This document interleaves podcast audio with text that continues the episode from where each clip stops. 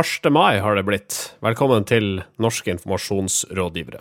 Velkommen til kommunikasjonsrådgivere. Velkommen til pressefolk, politikere, annonseselgere, key account managers, relationship and power pushers, real-time marketers, storydoers, studenter, mann i gata og kvinnen i gata.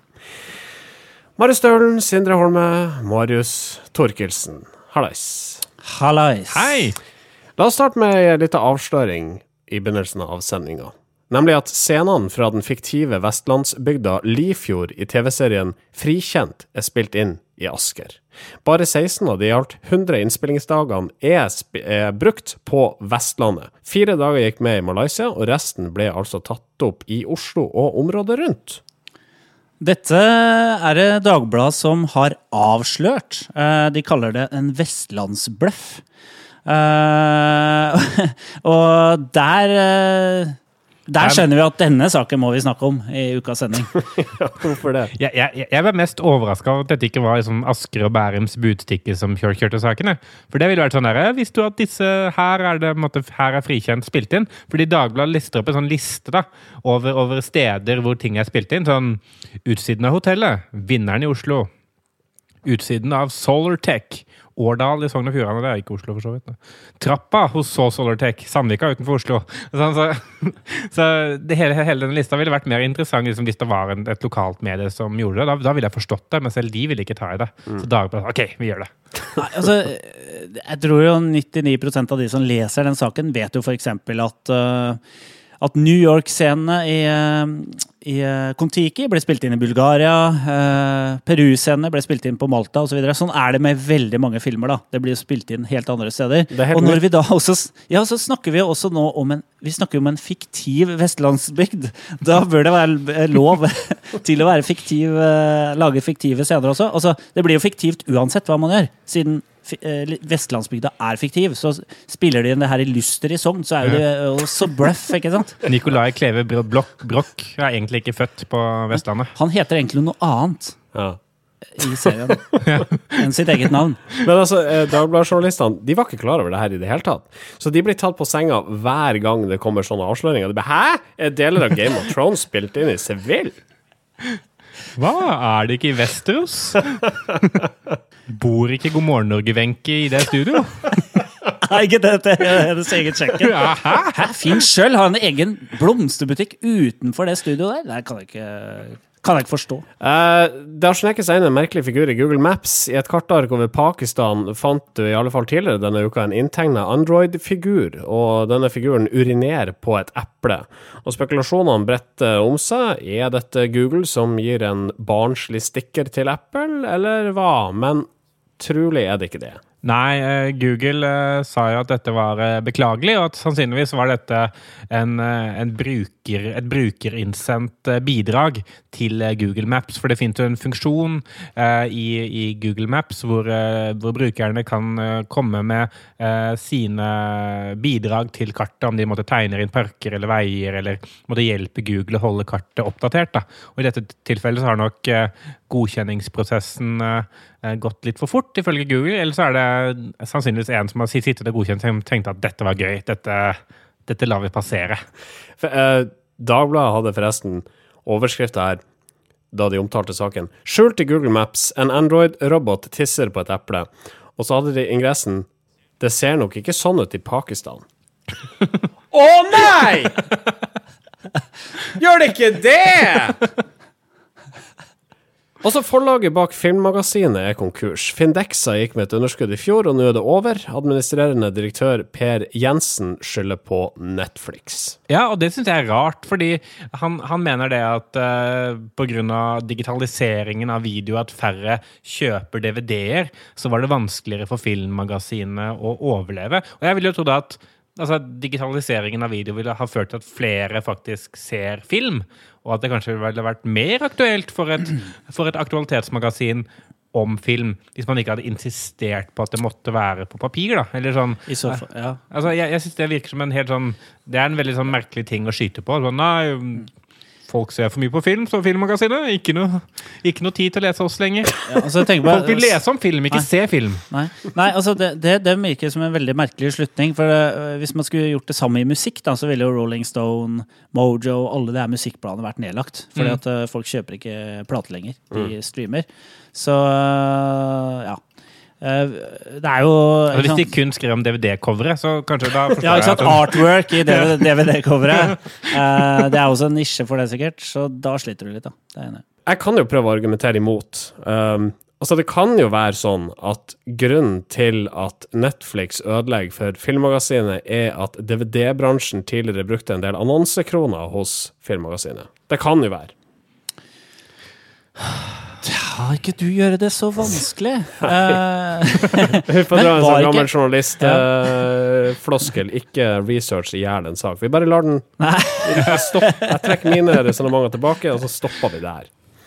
Det er mye gøyere hvis vi kan synse over en lav sko og ha rett, enn at vi skal bli påvist hver gang vi tar feil. For, for, For da blir dette en, da blir dette en dårlig podkast. si sånn, hvis, ver, hvis verden hadde vært vanskelig, så hadde det vært vanskelig eh, å lage morsomme ting eh, på den. Så eh, heldigvis så forholder vi oss til at verden er veldig enkel. Derfor så er det lettere å, ja, å være morsom.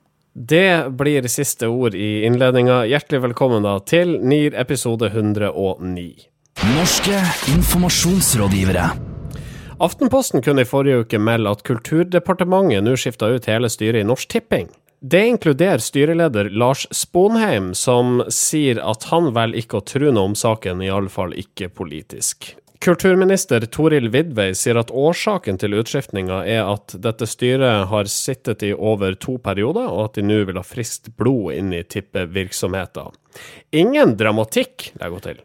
Ja, eh, hun gjorde det. Og når en politiker bruker det uttrykket 'ingen dramatikk', så, så bør eh, en journalist og lesere lete videre. For det er jo nettopp det det er. Det er jo veldig dramatisk. Det er jo en virksomhet som eh, omsetter for mange milliarder kroner. Å bytte ut et helt styre da mister du all den kompetansen som det styret hadde, eh, og setter inn da nye folk. Og det er noe rart med å si at dette eh, ikke er eh, dramatisk, for at hvis det ikke er dramatisk, så hadde det vært unødvendig å gjort det. Ting som ikke er dramatisk, er helt unødvendig å presisere at ikke er dramatisk. Ja, og, og så blir, blir det en, enda rarere med en kommentar fra Lars Bonheim som, som jeg leser sarkastisk, men mulig den ikke er det. Han sier eh, å kaste hele styret gjør man gjerne når, når det er en dramatisk situasjon i selskapet. Men det motsatte er tilfellet, men det er her. Men Norsk Tipping fikk i uh, høst kritikk av Riksrevisjonen for å drive lite effektivt. Altså, man så en omsetningsøkning fra 2013 til 2014, men marginene de falt. Uh, hvis det er årsaken, burde ikke Vidvei bare ha sagt det, da? Jo, det er det som er litt rart. Altså, sånn, hvis, hvis dette er et forsøk på å eh, rydde plass for nye koster, så er det jo bra for en politiker å vise liksom handlekraft. Eh, og her på, på en måte så viser hun handlekraft gjennom å kaste hele styret, men hun sier at det er egentlig ingen grunn til at hun gjør det. Så måte handlekraften forsvinner litt. For det er bare sånn, ja, ja, det er bare fint med noen nye folk, men det er ingen grunn til at Nei. Det fins ingen årsak til at jeg handler, jeg bare handler. Eh, og det blir veldig sånn forvirrende, og det skaper jo Altså, Det skaper i hvert fall et rom for spekulasjoner. Det er mulig at det ikke er noe dramatikk. Det er mulig at det ikke er noen årsak, annet enn at hun var lei av de folka som var der fra før. Sånn personlig lei av de. Ja, men det virker liksom åh, er kjedelig å møte liksom, uh, møte de folka hver eneste gang vi møtes. Uh, så det, det kan jo være det, men det virker jo litt rart at man ikke da liksom, kan gå ut og hente en eller annen politisk gevinst av det. da. Ja. Uh, altså, Toril Vidvei hvis hun oppriktig, altså, oppriktig ser ikke på dette som noe dramatisk. Hun kommer hjem da til eh, Jeg antar at hun er gift. Uh, kommer hjem til, eh, spør mannen ja, hva du har gjort i dag. Nei, jeg, har, jeg var på butikken og handla auberginer. Så var jeg og kjøpte bukse. Det var på tilbud på Cubus. Så jeg satte hele Norsk Tipping-styret. Og så var jeg og kikka på nytt kjøkken, og tyven bare Hæ, hva, hva du sa Jeg var og kikka på nytt kjøkken. Nei, Det er merkelig at hun ikke bruker den anledningen til å si at ok, her har, vi, her har Riksrevisjonen vært inne og, og gitt kritikk. Eh, derfor eh, så jeg det som betimelig å gjøre endring i styret. Ja. Og når hun ikke gjør det, så virker det som ok, det er en kulturminister som ønsker å markere seg, og dette er bare symbolhandling. Ja. Eh, Men hun markerer seg ikke når hun først gjør det. Nei, det, men altså, handlingen er markerende, men hun har, har ikke noen god grunn for det. Så det blir bare en handling. Og hun, Ja. er, hun er for øvrig gift med Osvald Bjelland. Ja. du, ja. altså, Det var Osvald handlingen- Bjelland som var den andre personen i det lille hørespillet mitt tidligere. Saksopplysning. Ja. Ja, altså det, det at hun gjør en handling, er selve eh, handlingen. Altså det hun faktisk, det hun faktisk, det hun faktisk gjør, eller konsekvensen av det hun gjør, det har hun ikke lyst til å snakke om. Nei. Så det er liksom sånn Jeg har handlet! Ja. Ok. Ja. altså er jeg Ja. kulturminister. Ok. Ja, det ble galt her, Tor- eh, Toril Vidvei. Det må vi konkludere med. Ja, det var, det var dårlig, ass. Altså. Norske informasjonsrådgivere. I forrige uke så skapte et innslag på VGTV rabalder både her og både der. I innslaget sitter programleder Mats A. Andersen og ringer opp kommentarfeltdeltakere som VG mener kommer med oppsiktsvekkende kommentarer om båtflyktningene i Middelhavet. Telefonene tas for åpen mikrofon, altså uten noen forhåndsprat med intervjuobjektene. Hvis folk ikke vil snakke med Mats, så må de si det på lufta, og det kommer da med i programmet. I etterkant ble VG både hylla og kritisert for innslaget. Sven Egil Omdal er blant, kritikerne, og mener det ikke kommer tydelig frem eh, at de som ringes, blir informert om at samtalen blir tatt opp og publisert. Ja, det er, det er flere som har kritisert det. Aftenposten har også, eller noen eh, journalister der har også kritisert det. Jeg hørte den her Aftenpodden, eh, podkasten til Aftenposten. Uh, og de liksom mente at dette var litt sånn begrensa til utdriting. da. Og så har jeg hørt andre også som mener at eh, det er, liksom, det er forskjell på altså, Torry Pedersen har jo forsvart dette her, og han har sagt at uh, ok, når du ytrer deg i kommentarfeltet i VG, så er du en del av offentligheten. Da, uh, da trer du ut av liksom, privatsfæren, og da må du også tåle at dine meninger blir, at noen bryner seg på dine meninger, og at de blir tatt, uh, tatt alvor, seriøst, og at man kan diskutere dem. Men så er spørsmålet liksom, er, er de kommentarfeltdeltakerne klar over at de kan bli eksponert så sterkt eh, som det blir eh, hos VG ved å bli faktisk ringt opp? Mm. Jeg, jeg- jeg vil adressere dette som Torry Pedersen sier, altså at det, det er helt greit for dem å følge opp disse folkene som allerede har ytra seg i offentligheten. Men er ikke det et sidespor i den debatten? Altså, Én ting er å følge opp noen eh, journalistisk og stille nye spørsmål eller sjekke vil du gjøre et intervju, vil du utdype her. Men dette her er jo revolverjournalistikk. altså De ringer bare opp noen, og så er de på lufta. Det er jo sjelden man ser dette. Jo, det, og det er jo, jeg føler det er jo derfor VG gjør det, for de vet jo Det er kalkulert. De, de vet jo hva slags type eh, debatt de kommer til å få, hvordan folk kommer til å reagere, at de kommer til å få mye visninger av den, den filmen fordi det er interessant, og fordi det er en veldig sånn lett eh, gruppe å hate på disse, disse ko- ko- kommentarfelttrollene. Eh, men jeg, stusser litt på de folkene de faktisk valgte å ringe opp. Da, fordi de ringte opp eh, et utvalg med forskjellige folk, annet en, en eldre dame, Gudrun eller et eller annet sånt. Eh, ja, men hun het noe i den kategorien. Eh, og, og hun var jo ikke hun, hun- hadde skrevet en kommentar hvor hun, hun skjønte ikke hvorfor eh, disse flyktningene valgte så små båter. Altså, det, det var jo veldig rart når de var så mange å velge en så liten båt. Uh, og så skjønte hun, og så syntes hun det var litt sånn skummelt å tenke, tenke på at de forurensa Middelhavet, for hun skulle til Gran Canaria og bade, ikke sant? og hun ville ikke støte på et lik. Og, og hun var jo ikke ond. Altså, altså, hun var jo bare dum. Altså, hun, hun bare skjønte ikke bedre. Hun, hun forsto ingenting. da. Og så kan man si at det er hennes ansvar å forstå ting før hun skriver ting, men det er ikke de som er problemet i denne debatten. Det er ikke, det er ikke de ignorante, teite, lavt utdannede VG-leserne som VG som er problemet i kommentarfeltet. Det er jo de, de helt åpenbare ondsinnede menneskene med en tydelig agenda. Ikke sant? Eh, og at det er hun som plutselig blir talsperson for et helt kommentarfelt av liksom, rasister, eh, brunskjorter og bare bedritne folk. Da. Det synes jeg er ganske dårlig gjort overmot, overfor liksom, en eldre dame som bare er teit. Ja, Det avslører jo bare kunnskapsløshet. Det som Ja, de burde ha snakka med, er jo de folka som sier at ja, la de bare drukne, f.eks. Ja, men det gjorde de Den jo. type påstander.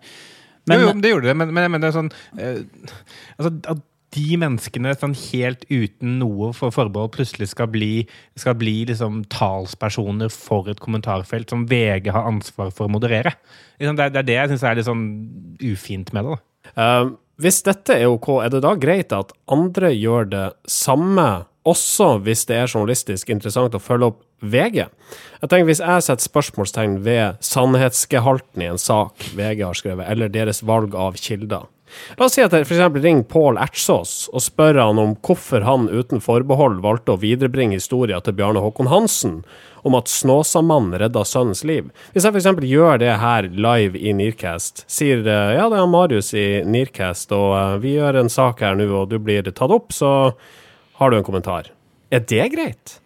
Selvsagt er det greit. Det må jo absolutt være greit. For det, du har jo da en jobb eh, Eller han har jo da en jobb, journalisten, som er å frembringe en eller annen eh, sannhetsgehalt. Eh, og han er i en posisjon som absolutt bør tørre å, å bli, eh, bli på en måte konfrontert. Ja, bare sånn, Med det det, han har skrevet. Det- ring, ring og spør sånn Har du, har du eh, kilder som kan dokumentere Har du fakta som kan dokumentere at dette stemmer? Denne saken du har videreformidlet?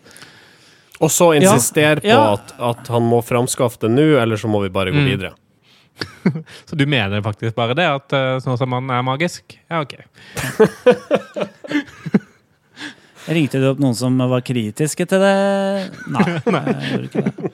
Ville bare ha en, en fin sak om uh, den godslige mannen Bjarne Håkon Hansen, kanskje? Og med et magisk tilsnitt fordi mange av leserne dine tror på sånt? Ja. Hva Ja. tenkte du da du valgte dette? Altså, var det, var det Var det for å få mange klikk? Var det det som For jeg, jeg skjønner ikke helt hvordan du tenkte da du, da du skrev om denne prosessen med barnet. Vet du hva, dette her er så bra eh, stoff.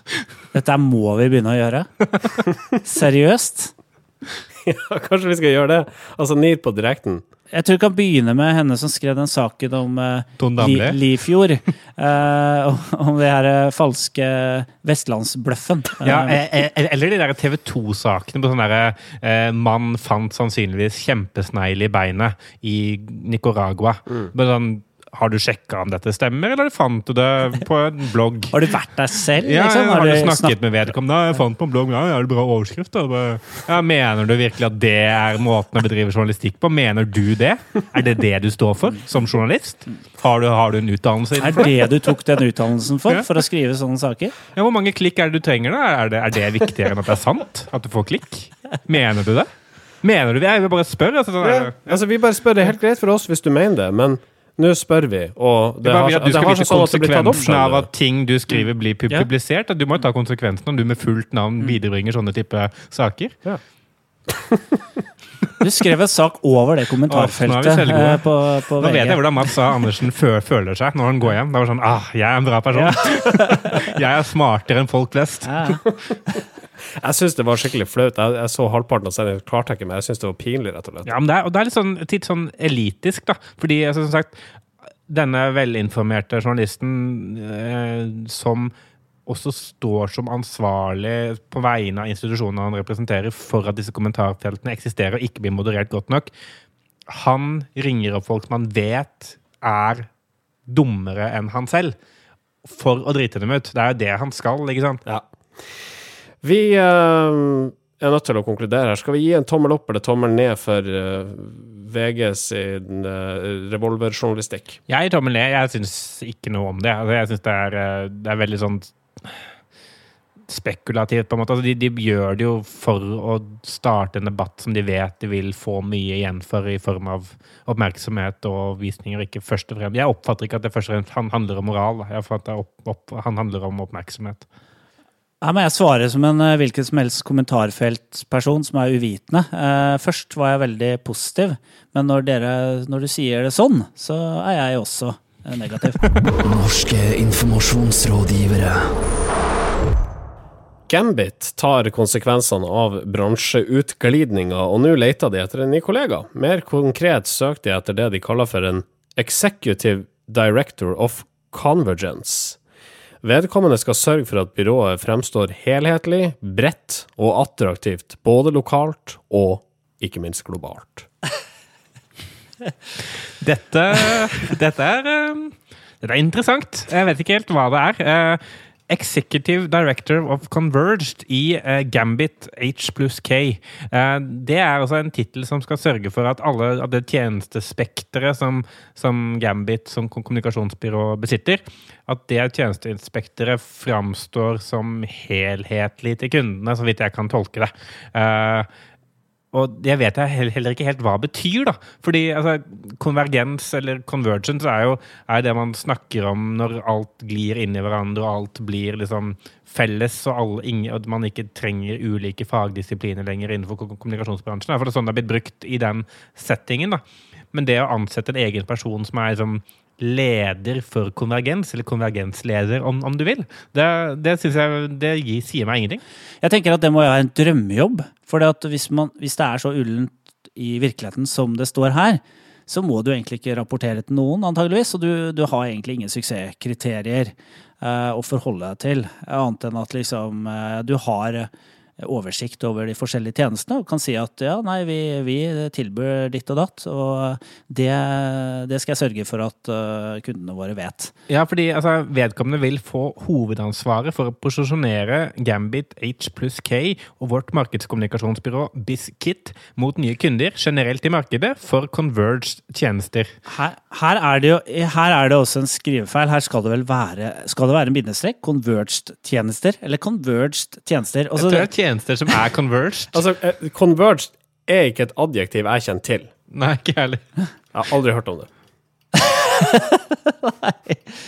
Eh, men den saken her kan du dele både på Twitter, på Facebook og på LinkedIn. eh, hvis du har lyst til å mener du trenger en sånn jobb. Eh, så hvis du da er på jeg vet ikke, arbeidsmarkedstiltak hos Nav, og liksom ikke, eller er nyutdannet og ikke vet hva du skal finne på, søk for all del på den tjenesten her. Eh, for da kan det hende du får en jobb som du ikke helt hva- vet hva er. Men jeg mener i hvert fall at hvis, hvis jeg skulle søkt på dette, da ville jeg fokusert på eh, min erfaring med converged og interesse for converged. At converged er et område jeg har fulgt i mange år og mener er både interessant og faglig utviklende. Jeg mener at i fremtiden vil vi se mye mer converged enn det vi gjør i dag, og Gambit er spesielt godt rigget til å være med på den utviklingen innen converged som markedet trenger. Kunder vil bli stadig mer opp, eh, opptatt av tjenester som ikke bare er tjenester, men også, som også er converged tjenester. Det der var en kjempegod søknad, da. takk. Da er det bare å løpe og søke. Løp og søk. Norske informasjonsrådgivere. Språksparta. Hos NIR. Kristian Tonning Riise han er leder i Unge Høyre, og han har skrevet en eh, ramsalt kronikk i Dagbladet der han angriper dem som mener det er smart å hente 10 000 syriske flyktninger hit til landet. Han vil eh, hjelpe, han også, men han skriver at pengene eh, vi vil bruke på å hente syrere hit, vil kunne hjelpe flere hundre tusen der nede. Det er en god kronikk, og han avslutter med et fyrverkeri av en punchline, og det er derfor vi vier den plass i Språkspalta denne uka. Ja, han, han sier det at eh, man kan hjelpe 26 ganger flere personer eh, i Syria fremfor å hente 10 000 i Norge. Og så han skriver at hvis noen mener at dette gjør han til et dårlig menneske, så får det bare være. Jeg ble ikke politiker for å få retweets fra moralposører. Og moralposør, det er et ganske niftig ord. Det, det er ganske fint. eh, Fordi det, det, det, måtte- det, det er det vi har vært så vidt inne på før også på, på Twitter, at det er, litt sånn der, det er litt sånn meningsvakuum. Så det er mange som tar standpunkter bare fordi det skal liksom bygge dem som person og gi dem oppmerksomhet. Og det at man liksom poserer med en sånn form for moral, selv om man ikke egentlig er indignert, men bare for å liksom mene noe. Det føler jeg at han- treffer spikeren så utrolig på hodet da, på hva, som foregår på Twitter liksom 90 av eh, tiden. de her moralposørene de er veldig flinke til å snu kappen etter vinden da, og se og liksom tolke hva menings... eh, hva, på en måte, hva, hva folk flest mener, eller hva som er politisk korrekt å mene. Eh, og der er det lett å heve seg over andre, uten å egentlig gå i detalj på å regne ut, sånn som unge Høyre-lederen har gjort, og, og si at eh, liksom det å ikke skulle ta imot eh, flyktninger, da, det er på en måte eh, det er moralsk eh, nedverdigende. Eller liksom, da, er du ikke, da, har du ikke empati, og da, da, liksom, da hele den regla der eh, kommer. Da. Altså, da blir det ikke en diskusjon på reelle problemstillinger og, og løsninger, men det en eh, Det, det handler om å, å fremstå eh, med de riktige holdningene.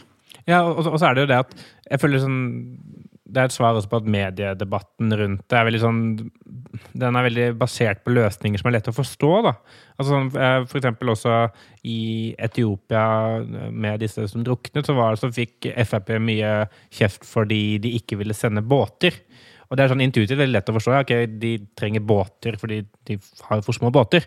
Eh, og så finnes det kanskje altså, igjen da, andre måter å bruke de pengene bedre på, uten at jeg egentlig vet noen ting om det. Men, men bare det er en måte, holdninger som er veldig lette å stå for og måtte ta til seg hvis du egentlig ikke gidder å sette deg inn i saken, men vil mene noe, kun for å posere med det. Eh, og moralposer er et ord vi bare bør ta til oss, altså, og benytte i mange, mange flere tilfeller. For det føler jeg det er nesten årets nyord. Altså, det er mye igjen av ordet, av året.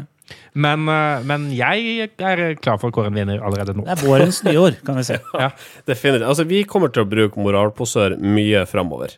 Det, altså, vi, vi prater om mange saker der vi har mangla et ord. Altså, vi har, vi har sittet og, og, og Altså, vi har vandra rundt grøten. Altså, det, det de gjør her, er Og så kommer da Kristian Tonning Riise og sier de er moralposører. Moralspo... Selvfølgelig. Det, det var akkurat det ordet jeg lette etter. Eh, og Der sa du det. i, eh, ifølge Retriever, eh, når man søker på dette eh, moralposør på Retriever, så er det aldri brukt før. Oi! Fantastisk. Og Jeg dette føler er det er en et eh, vannskilleøyeblikk. jeg, jeg, jeg, tror vi må, jeg, tror vi, jeg har lyst til å gjøre en liten test, og det er egentlig å, å gi en kudos for det ordet og se om han retweeter oss. Og- Også, også på Google ingen resultater for moralpose. Altså, dette, er, dette er så nybrottsarbeid. Jeg, vil ikke- jeg gir meg ende over. Jeg. Det er helt sykt. Han er fortjener ukas kudos. Ja, fy. Ja. Vi gir Kristian Tonning Riise ukas eh, kudos. Dette ble litt adhoc, som enkelte sier. Vi kjører jingle. Ukas kudos. Norske informasjonsrådgivere. Det går mot uh, slutten. Det var bra at vi fikk slått sammen språkspalta med kudosen, for uh, på den måten å spare litt tid. Uh, avslutningsvis, Thomas Seltzer må nå forberede seg på kamp om hedersbetegnelsen 'verdens minst flate person'. Og det er Ronny Lotz, daglig leder på Chicago-baren Cigars and Stripes, som er utfordreren. En YouTube-video der en ukjent komiker avslører at det er toveisspeil, altså et speil som fungerer som et vindu andre veien, inne på dametoalettet, har fått en del views i det siste. Jezebel, som er en avis eller blogg, tok en telefon til Lotz, og Lotz nekta å ta selvkritikk. Han sier det at 'jeg kommer til å brenne ned dette jævla stedet før jeg kvitter meg med dette speilet'. Vet du hvor mye glede det har gitt oss? Liker du ikke toveisspeil, så drit og dra. Det er det minst flate jeg har hørt. Det Og det, det er viktig å presisere at det Sindre sa der, er et sitat. Ja, det er et sitat, det òg. Ja, ja, absolutt. Vi, vi delte på sitatene, for det var for bra for bare én person aleine. ja. Liker du ikke toveisspeil, så drit og dra der, altså. Det hadde vært gøy hvis flere kunne brukt det. Liksom sånn, hvis en eller annen toppsjef blir uh, ferska for han har gitt seg selv og styrer altfor høye bonuser. Sånn, Vet du ikke hvor mye de glede disse bonusene har gitt oss? Altså, liker du ikke at vi får mye penger, så kan du bare brenne i helvete. Uh, altså, det speilet jeg, jeg, jeg er nødt til å kontekstualisere litt her. Dette speilet leder altså til en bod, ikke til et annet rom. Og speilet brukes angivelig i halloween-sammenheng. Og dette er da angivelig også en bar som har slått seg opp på halloween-relaterte arrangementer, kunne jeg lese i uh, Jezebel, antar jeg. Ja, så Det er jo en, det er en del av konseptet visstnok til denne baren. eh, Toveisspeil og sånne skremmende ting som skjer. Eh, likevel så jeg, jeg skjønner jo at man som kvinne blir litt betenkt når det er et toveisspeil på toalettet. En som mann. Eh, og som mann, det tenker jeg det er ikke så mye å se. eh, men eh, i hvert fall ikke hvert fall ikke sånn foran speilet. Og du, du Jeg vet, jeg, vet ikke hva kvinner driver med på toalettet. Jeg har aldri sett et sånt uh, svert på andre siden av et sånt speil. Men jeg og, det er ganske saftige greier. Og Ronny, Ronny Lotz han eh, får jo kanskje uventa, vil vi kanskje tro, eh, støtte av Chicago-politiet, som eh, sier at eh, de har vært og undersøkt stedet og ser ikke noe problem med speilet. Så han burde ikke legge seg flat her. Så selv om han Uh, Lovens lange bar- arm også øh, står bak igjen, så bør han ha ingen Altså grunn til å legge Bare fordi en såkalt moralposør driver og kjefter på YouTube, trenger ikke han å legge seg flat. Her begynner vi å misbruke begrepet allerede. Altså, tenk, tenk, bare tenk på det, gutta. At hvis vi ser bort ifra at Christian Tonning Riise brukte ordet moralposør i kronikken sin, så har vi altså brukt ordet mer gjennom denne sendinga enn det noensinne er omtalt i verden. Jeg, jeg vet ikke om han setter like mye pris på det som vi gjør. Jeg føler det er um, like mye vårt ord som hans. Vi oppdaga det, på en måte. For han så var det kanskje helt tilfeldig at han brukte det. Ja. Det var vi som Satt gjorde det til den du er i dag, Christian. ja, det er fantastisk. Eh, så uh, Ronny Lotz, godt jobba. Ikke driv og legg seg flat for uh, alskens rare ting. Selv om vi også har full forståelse for at det er ubehagelig med toveisfeil på uh, toalettet. Helgardering fra oss. Ja. Det. Vi er en podkast for absolutt alle. Eh, ja. uh, Nå er det snart over. Vi har bare våre vante kunngjøringer helt på tampen her. Følg oss gjerne på facebook.com slash nearcast. Du hører oss i iTunes, eller uh, hvor nå enn du liker å høre podkast. Du kan også finne oss på soundcloud.com slash nearcast hvis du vil snakke til oss. Eh, gjør det helst på Facebook, fordi at vi sjekker Facebook oftere enn vi sjekker nearcast at yahoo.com. uh, men du kan sende mail der òg. Ja, nå er vi Yahoo snart uh, nedlagt også, så det blir vanskeligere og vanskeligere å nå uh, fram der. Vi eh, høres igjen om ei uke. Vi gjør det. Fram til da Takk for nå. Takk for nå, fram til da. Norske informasjonsrådgivere.